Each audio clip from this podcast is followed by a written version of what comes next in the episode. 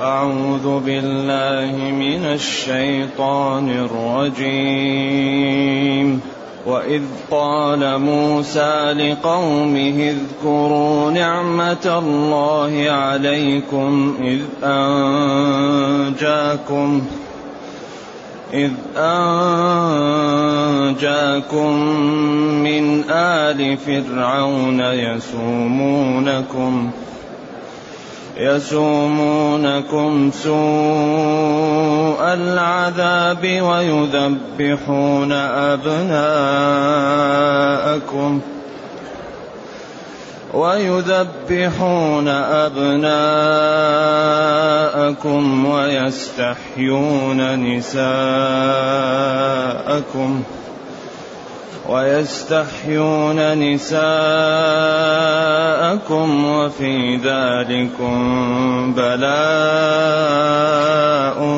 من ربكم وفي ذلكم بلاء من ربكم عظيم وإذ تأذن ربكم لئن شكرتم لأزيدنكم ولئن كفرتم إن عذابي لشديد وقال موسى إن تكفروا أنتم ومن في الأرض جميعا.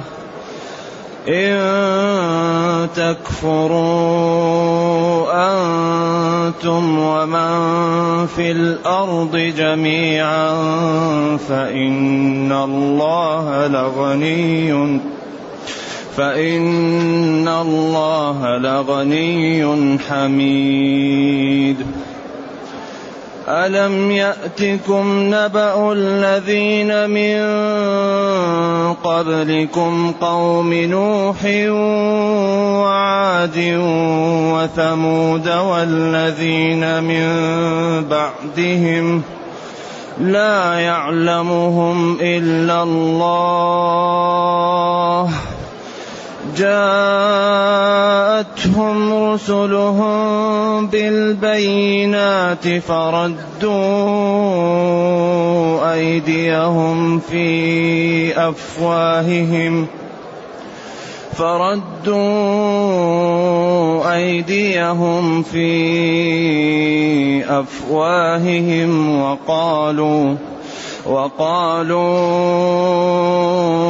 إنا كفرنا بما أرسلتم وقالوا إنا كفرنا بما أرسلتم به وإنا لفي شك وإنا لفي شك مما تدعوننا إليه مريب قالت رسلهم أفي الله شك فاطر السماوات والأرض يدعوكم ليغفر لكم ۖ يدعوكم ليغفر لكم من ذنوبكم ويؤخركم ويؤخركم إلى أجل مسمى. قالوا إن أنتم إلا بشر مثلنا. تريدون أن تصدونا عما كان يعبد آباؤنا عما كان يعبد آباؤنا فأتونا بسلطان مبين. الحمد لله الذي أنزل إلينا أشمل الكتاب وأرسل إلينا أفضل الرسل وجعلنا خير أمة أخرجت للناس فله الحمد وله الشكر على هذه النعم العظيمة والآلاء الجسيمة والصلاة والسلام على خير خلق الله وعلى آله وأصحابه ومن اهتدى بهداه. أما بعد فإن الله تعالى يبين لنبيه أن ما جاء به لقومه جاء به موسى لقومه. وأن ما حصل من قومه حصل من قوم موسى. ولقد أرسلنا موسى بآياتنا. ولقد أرسلنا موسى بآيات ولقد أرسلنا موسى بآياتنا. أن أخرج قومك من الظلمات إلى النور. وذكرهم بأيام الله. إن في ذلك لآيات لكل صبار شكور. وإذ قال موسى وإذ قال موسى معطوفة على الجملة قبلها ومؤكدة لجانب المعنى الموجود فيها. وإذ قال موسى لقومه وإذ قال موسى لقومه اذكروا نعمة الله عليكم. واذكر يا نبي وقت قول الله وقت قول موسى لقومه اشكروا نعمة الله عليكم. تأملوا ما أعطاكم الله إذ أنجاكم من آل فرعون. هذه النعم أكبرها نجاتكم من فرعون وتخليصكم من فرعون الذي كان يقتل ذكوركم خوفا من أن يكون فيهم رجلا له مكانة وله سلطة. ويستحيي نساءكم هنا الاستحياء يعني نقمة لأن إبقاء النساء من غير تقتيل هذه نعمة لكن كون إن الرجال يقتلون وتبقى النساء فهذا للخدمة وللإهانة. فهو أيضا إهانة وراء إهانة أخرى. أن تقتل الذكور وتترك النساء تمتهن. إذا اذكروها اذكر هذه النعمة ذكرى شكر وتدبر وتأمل ونفع. وقت إنجائه لكم من آل فرعون من فرعون وقومه. آل الرجل جماعته وأتباعه. يسومونكم سوء العذاب. سامه الشيء إذا إذا إذا أوقعه إليه ومن السوم. أيوة. يوقعون بكم أسوأ العذاب. بعدين قال هنا ويذبحون. وقال في الأعراف وهناك يذبحون. قال العلماء إذا قال يذبحون فهذا بدل. يسومونكم سوء العذاب يذبحون أبناءكم ويستحيون نساءكم هذا بدل من سوء العذاب. أما إذا عطف فهو جعل ويذبحون كأنه كلام جديد من عطف الخاص على العام وهذا أيضا تأكيد ولكن فيه جعل الجملة الأخرى لا علاقة لها بالجملة الأولى وكأنها مستأنفة. ففيه تأكيد للمعنى وتخصيب له وزيادة. إذا يسومونكم. سوء العذاب يوقعون بكم أسوأ العذاب ويذبحون أبناءكم. يعني الذكور. ويستبقون نساءكم. وهذا فرعون عياذا بالله عاث في بني إسرائيل وأوقع بهم. ولذلك الله أخبر أنه يسلط على بني إسرائيل من يسومهم سوء العذاب إلى قيام الساعة لما قاموا به من الكذب ومن الظلم ومن قتل الأنبياء ومن الافتراء ومن إفشاء الربا ومن إفشاء الأمراض ومن فعل الخبائث ومن جعل النواديل الرذيلة يعني هذا الذي أشاعت اليهود في الأرض من الإفساد لا يعلمه إلا الله. ذلك قال ربنا وإذ تأذن ربكم ولا يبعثن عليهم إلى يوم القيامة من يسومهم سوء العذاب. وقال وإن عدتم عدنا. وقال وقطعناهم في الأرض. وقال لا يقاتلونكم جميعا إلا في قرى محصنة أو من وراء جدر. هذه معجزة الآن. وقال إلا بحبل من الله وحبل من الناس. إلا بمعاهدة يعني شرعها الله لهم أو باستعانة بغيرهم. ولتجدنهم أحرص الناس على حياة. إذا يسومونكم سوء العذاب ويذبحون أبناءكم ويستحيون يستبقون نساءكم وفي ذلكم بلاء من ربكم عظيم. ذلك محنة واختبار. يعني في داخله امتحان وفي داخله نعمة. فما كان يعمل بكم ابتلاء ومحنة. وما نجاكم الله به منحة وابتلاء. هل تشكرون أو تكفرون؟ ولذلك وذكرهم بأيام الله فيما أسدى عليهم من النعم وفيما دفع عنهم من النقم الذي حصل عليهم سابقا وحصل على الأمم الأخرى. فأيام الله التحقيق فيها أنها تقال للوعد وللوعيد. أي ما حصل في التاريخ السابق من نعم لناس شكروها ومن نقم حصلت لناس لأنهم كفروا النعم. وفي ذلكم بلاء من ربكم اختبار وامتحان ونعم ونقم عظيمة لمن تأملها وتدبرها. ثم قال وإذ تأذن ربكم. تأذن يعني أذن وأخبر خبرا مؤكدا أعلم إعلاما مؤكدا مسموعا لئن شكرتم لأزيدنكم. ولئن كفرتم إن عذابي لشديد. هل فيها أبلغ من هذا الكلام؟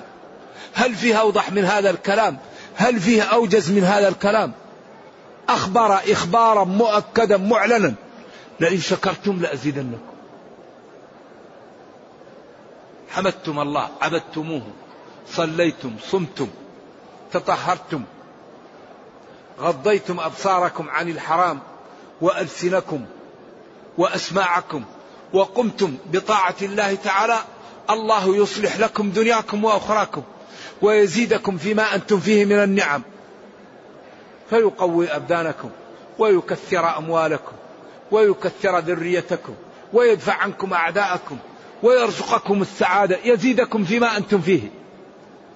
إذا من أكبر أسباب بقاء النعم إيش؟ الشكر.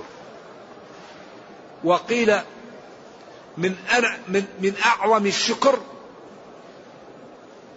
استعمال نعم الله في طاعة الله. هذا أكبر شكر. أن تستعمل نعم الله في شكر الله في طاعة الله. ولذلك أومأ الله إلى هذا المعنى في سورة النحل. فقال جل وعلا والله أخرجكم من بطون أمهاتكم. لا تعلمون شيئا وجعل لكم السمع والأبصار والأفئدة لعلكم تشكرون. أعطاك موارد العلم لتشكر الله لأنك إن شكرت الله قوى بصرك وقوى سمعك وقوى عقلك وزادت ما عندك من النعم ورفعك الله. لئن شكرتم لأزيدنكم. و والشكر هو أنك كل ما أعطاك الله نعمة تستعملها في طاعته. هذا أحسن شكر. فلا تتعب بدنك إلا في طاعة الله ولا تصرف مالك إلا في طاعة الله ولا ترسل بصرك إلا في طاعة الله ولا تطلق لسانك إلا في طاعة الله. هذا أعلى الشكر. ولئن كفرتم إن عذابي لشديد. شوف لاحظوا هنا ما قال ولئن كفرتم لأعذبنكم عذابا شديدا. قال إن عذابي لشديد لأن هذا أوجز وش؟ وأعم. قال لئن شكرتم لأزيدنكم. ما قال ولئن كفرتم لأعذبنكم عذابا شديدا. قال لا. قال إن عذابي لشديد ليشملهم ويشمل غيرهم لأن هذا أجمع وأكثر إيجاز. وهي مقابلة لهذا. لئن شكرتم لأعطيتكم ولئن كفرتم لمنعتكم وعاقبتكم. إذا لا عذر بعد هذا البيان. هذا بيان واضح. والكفران هو جحود النعم وعدم استعمالها في طاعة الله. فمن الكفران عدم الصلاة عدم الطهارة الوقوع في الغيبة عقوق الوالدين أذية الجيران التعامل بالربا الكذب احتقار المسلمين. كل هذا من كفران نعم الله. وأكبر شيء من الكفران هو الشرك. و والكفر عياذا بالله والإلحاد. ثم بين لهم ربهم على لسان نبيهم أن الشكر والكفر ضرره ونفعه عليهم. أما الله تعالى فهو الغني الغنى المطلق. لا ينفعه إيمان مؤمن ولا, ولا يضره كفر كافر. لأنه الغني الغنى المطلق أمره إذا أراد شيئا أن يقول له كن فيكون. لو كان الناس على أتقى رجل, رجل واحد ما زاد في ملكه. ولو كانوا على أفجر رجل ما نقص من ملكه. ما خلقكم ولا بعثكم إلا كنفس واحدة. إذا وقال موسى إن تكفروا. قال لهم إن تكفروا أيها الناس أنتم ومن في الأرض جميعا فإن الله لغني حميد. إذا إذا كفرتم أو آمنتم الضرر عليكم بالكفر والنفع عليكم بالإيمان. أما الله تعالى فلا يضره. إيمان مؤمن ولا كفر كافر. فالقضية عليكم والمصلحة لكم والضرر يأتيكم. قال موسى إن تكفروا أيها الناس أنتم. هذا تأكيد. ومن في الأرض جميعا تأكيد آخر. إذا كفر كل أهل الأرض جميع أنواع الناس فإن الله لغني أي حميد أي محمود من غيركم من الملائكة ومن خلقه الذي يخلق ومن احتياجكم إليه لأنكم تحمدونه شئتم أم أبيتم لأن كل من في الأرض يطيع الله شاء أم أبى. قال تعالى ولله يسجد من في السماوات والأرض. طوعا إيش؟ وكرها وإن من شيء إلا يسبح بحمده ولكن لا تفقهون تسبيحهم لأن الإنسان من طبيعته عاجز عن أن يدفع عن نفسه أو أن يجلب لنفسه فهو بالقوة مضطر لعبادة الله وملجأ إلى الله لما فيه من النقص ولما فيه من الحاجة إلى الله. فإن الله لغني عن عبادتكم وعما عندكم محمود بجليل أوصافه وبكمال قدرته ولما اتصف به من العزة والعلم والقدرة. ثم خوف هؤلاء القوم الذين كانوا مع النبي صلى الله عليه وسلم من كفار قريش فقال لهم ألم يأتكم؟ ألم يجئكم؟ نبأ خبر من سبقكم الذي له شأن. لأن النبأ لا يقال إلا للخبر الذي له شأن. نبأ الجيش نبأ الأمير. أما نبأ الحجام أو الجزار ما يقال نبأ إلا للخبر الذي له شأن. أما الخبر العادي يقال له خبر. النبأ الخبر الذي له شأن. وهل أتاك نبأ القوم؟ الخصم إذ تسوروا المحراب. إني جئتك من سبأ بنبأ يقين. خبر له شأن. قال لهم ألم يأتكم يا كفار قريش الخبر الذي له شأن وهو نبأ قوم نوح؟ نوح هو أول رسول أرسل بعد آدم. وجلس في قومه يدعوهم ألف سنة إلا خمسين عام. بعدين قال له قومه لن يؤمنوا. فدعا عليهم. فقال له اصنع الفلك. فبدأ يزرع الشجر وينشفه ويعمل. فصاروا يسخرون منه وقالوا بعد بعد أن كنت نبيا صرت إيش؟ نجارا. بعدين هلكوا. وعاد قوم ثمود وإلى عاد قوم هود وإلى عاد أخاهم هودا.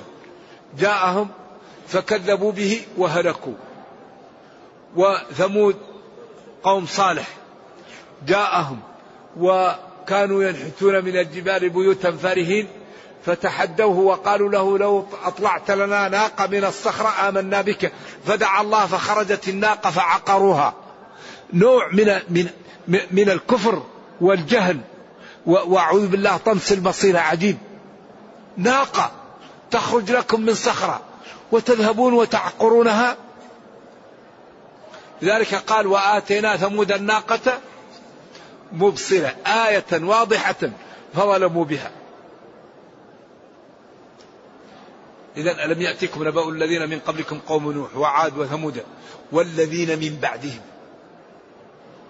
قوم شعيب وقوم الرس وقوم تبع وغيرهم. لا يعلمهم إيش؟ والذين من بعدهم لا يعلمهم إلا الله. قالوا كذب النسابون. لا يعلمهم إلا الله. هؤلاء لا يعلمهم إلا الله.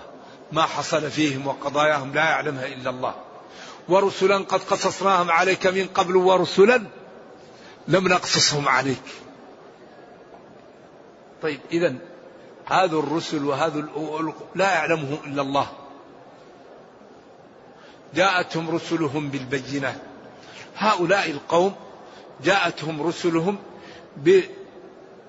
بالأدلة الواضحة وبالبينات الباهرات بصدقهم وبوحدانية ربهم وبوجوب عبادته وبوجوب امتثالهم فيما جاءهم به فردوا أيديهم في أفواههم. فيها أقوال كثيرة. سبعة أقوال أو ثمانية وبعضها في ضعف. وأحسن ما يقال فيها أنهم عضوا أناملهم من الغيظ أو وضعوا أيديهم على أفواههم إما إذا سخروا لا يروا أو لكي لا يتكلموا أو لما حصل عندهم من إيش؟ من, من, من, من الانزعاج. ففي العلماء قالوا هذا وأكثر ما يقال أن ردوا أيديهم عضوا أناملهم من الغيظ. وخير ما يفسر به القرآن القرآن وهذا اختيار كثير من المحققين. ردوا أيديهم أي عضوها غيظا عليهم في أفواههم وحنقا عليهم لما دعوهم. وكأن بعض العلماء يقول ردوا أيديهم في أفواههم يعني ردها ساخرين منهم لما دعوهم. لكي لا يظهروا لهم سخريتهم بهم.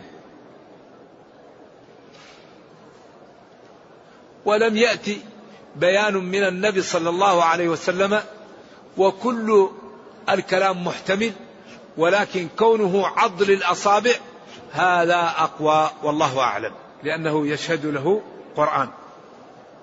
وقالوا هؤلاء إنا كفرنا بما أرسلتم به. قالوا المرسل إليهم إنا نحن كفرنا جحدنا بما أرسلتم به إلينا وإنا لفي شك لفي يعني تكذيب وفي عدم تصديق يعني مريب لنا أمركم وأرابنا ذلك في شك واضح أو شك مريب كليل ألين ليل ألين شك مريب أي مريب هو الشك نفسه. وهذا الكلام يدل دلالة واضحة على أن نبينا مرسل من عند الله. لأنه لا يقرأ ولا يكتب ويأتي بهذه الأدلة. ويدل على صدقه لأن هذا الكلام موجود في التوراة والإنجيل الغير محرفة وفيه تثبيت له هو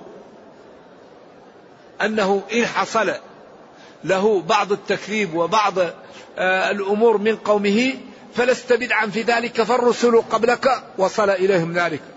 وفيه إزراء باليهود وتكذيب لهم لأنهم يعلمون أن هذا لا يأتي به إلا نبي.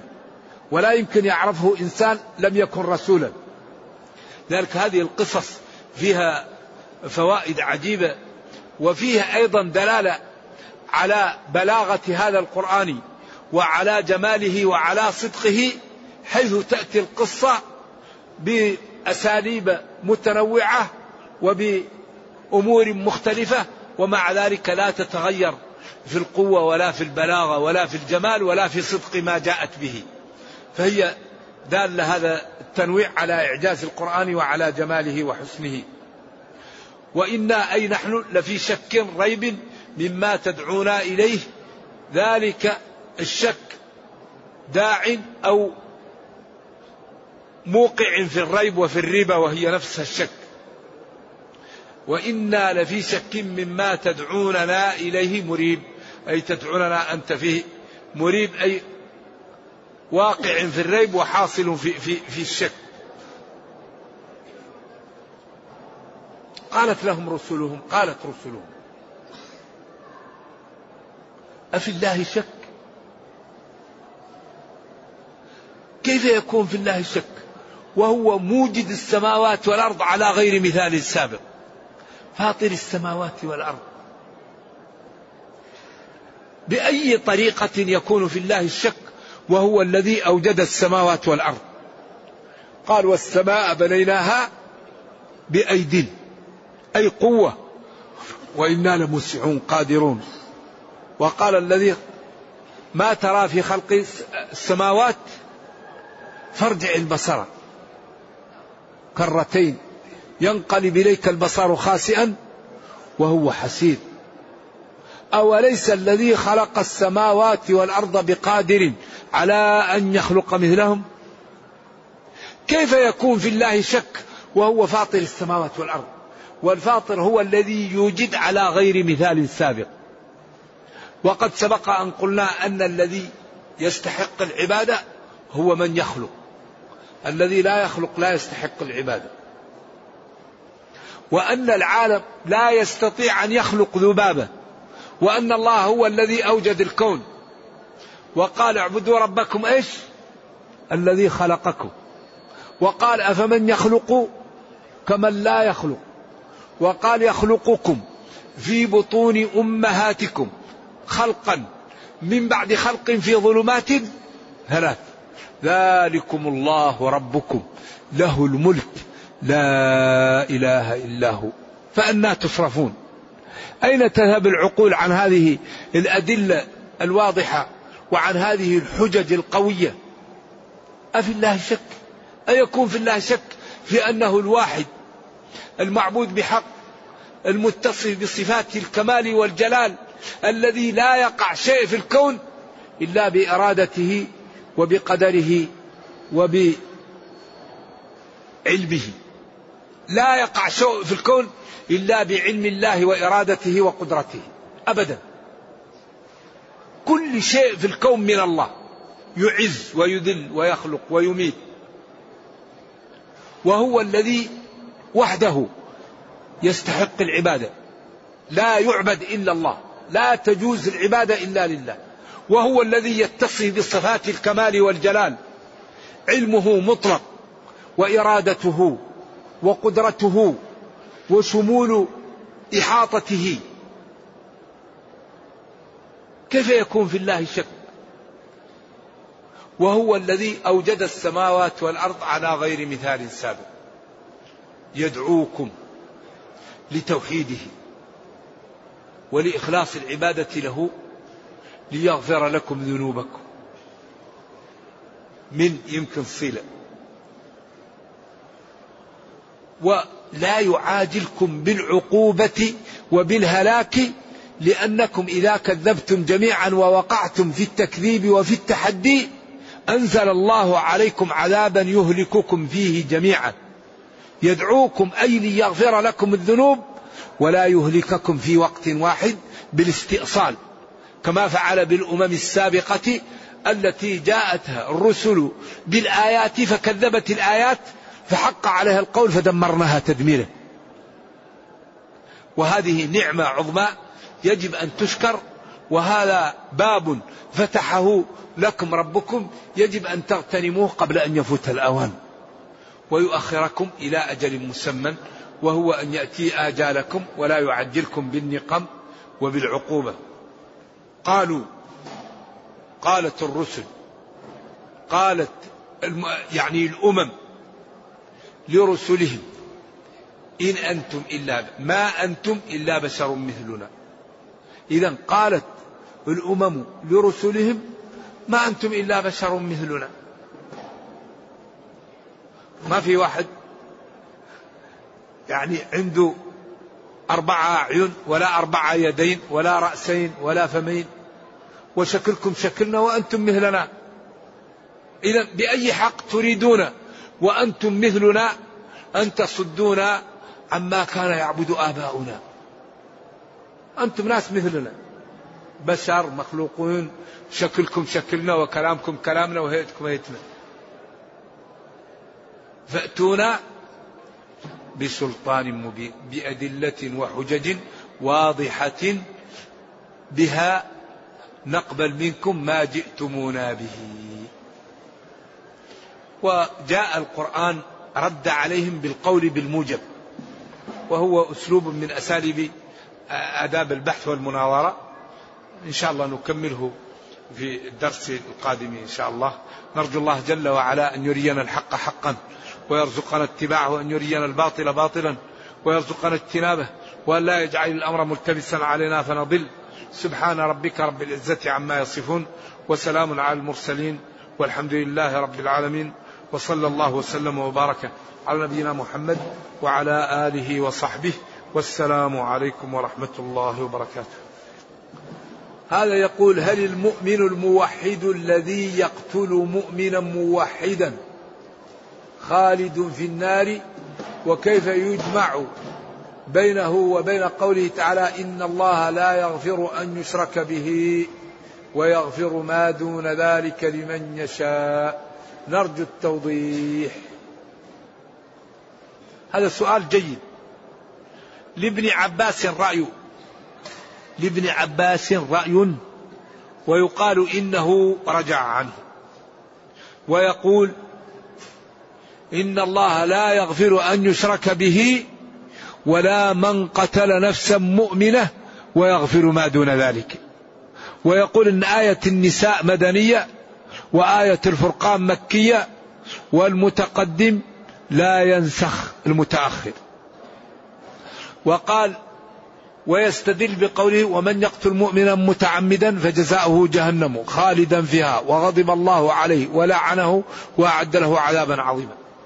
ولكن الجمهور قالوا في الكلام مقتضى أو المقتضي وهو الذي ذكره ابن قدامة في المغني عند هذه الآية في كتاب الحدود.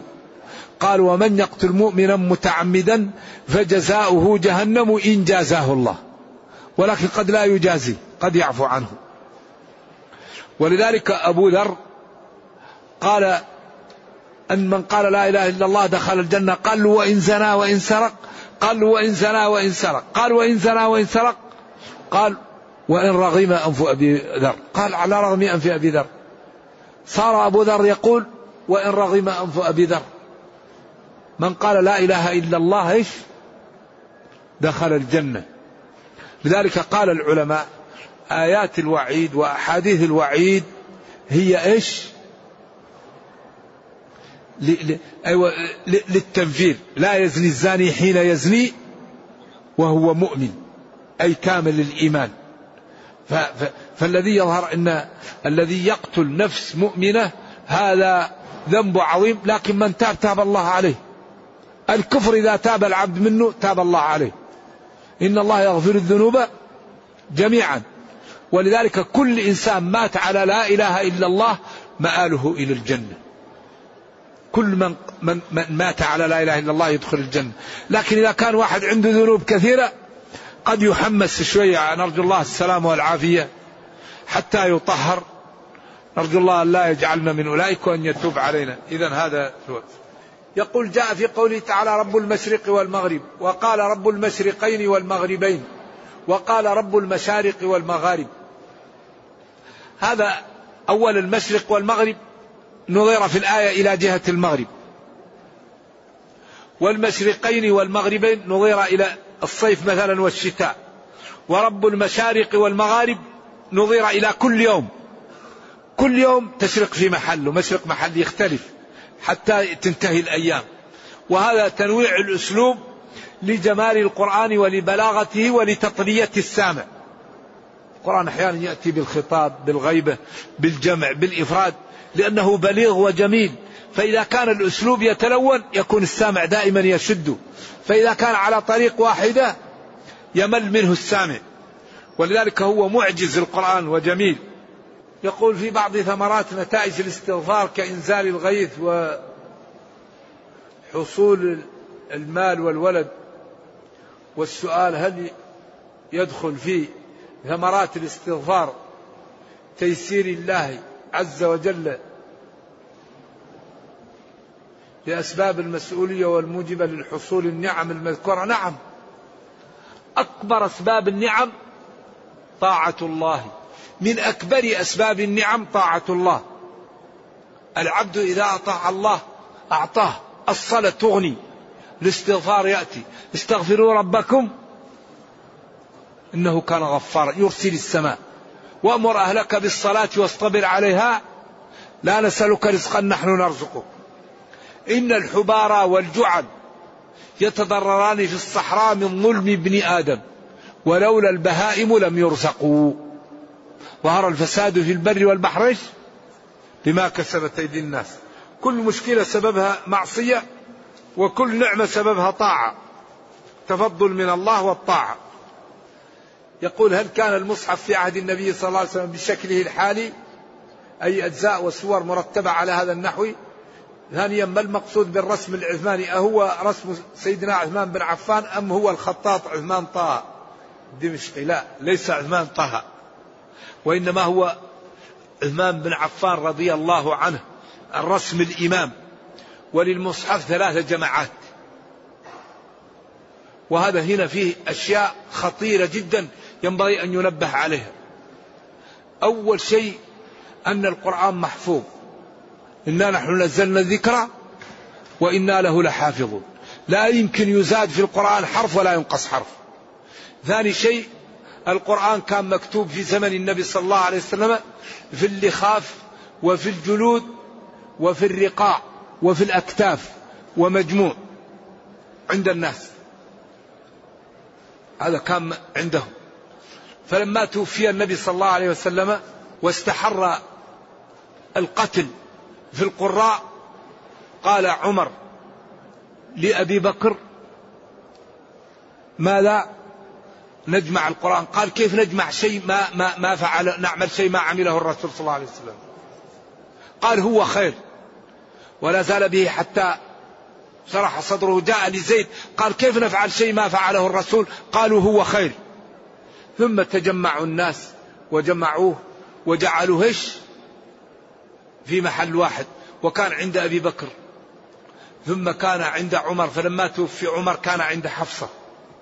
فكان حذيفة بن اليماني في أذربيجان في جهاد فوجد الناس يختلفون هذه قراءتي وهذه قراءتك. فقال لعثمان أدرك الأمة لا تختلف كما اختلفت اليهود والنصارى.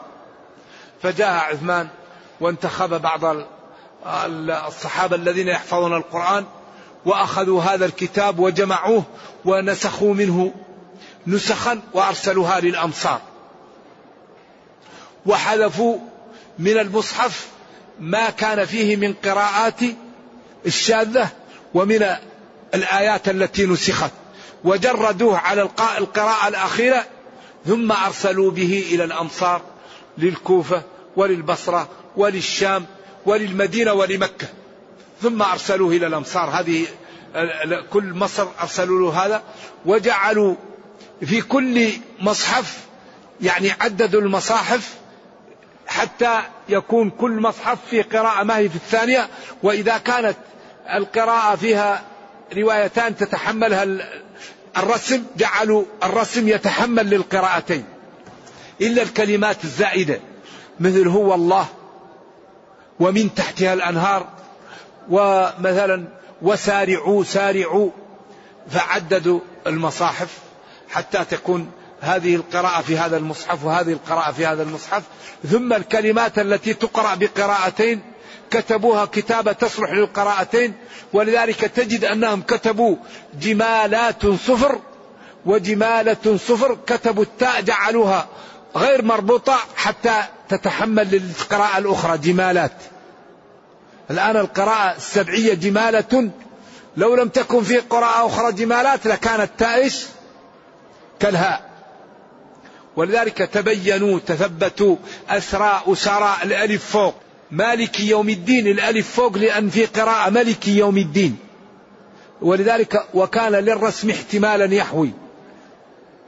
ولذلك ما قاله ابن جرير الطبري وبعض العلماء أن الذي بقي حرف واحد من الحروف السبعة وأن عثمان خرق بقية الحروف هذا مرجوح غير صحيح. الذي خرق عثمان وحرقه هو ما كان من القراءات الشاذة ومن الأمور المنسوخة التي ثلاثة أيام متتابعات فاقطعوا أيمانهم كقراءة ابن مسعود التي يجعلها على مصحفه أو ما كان منسوخا.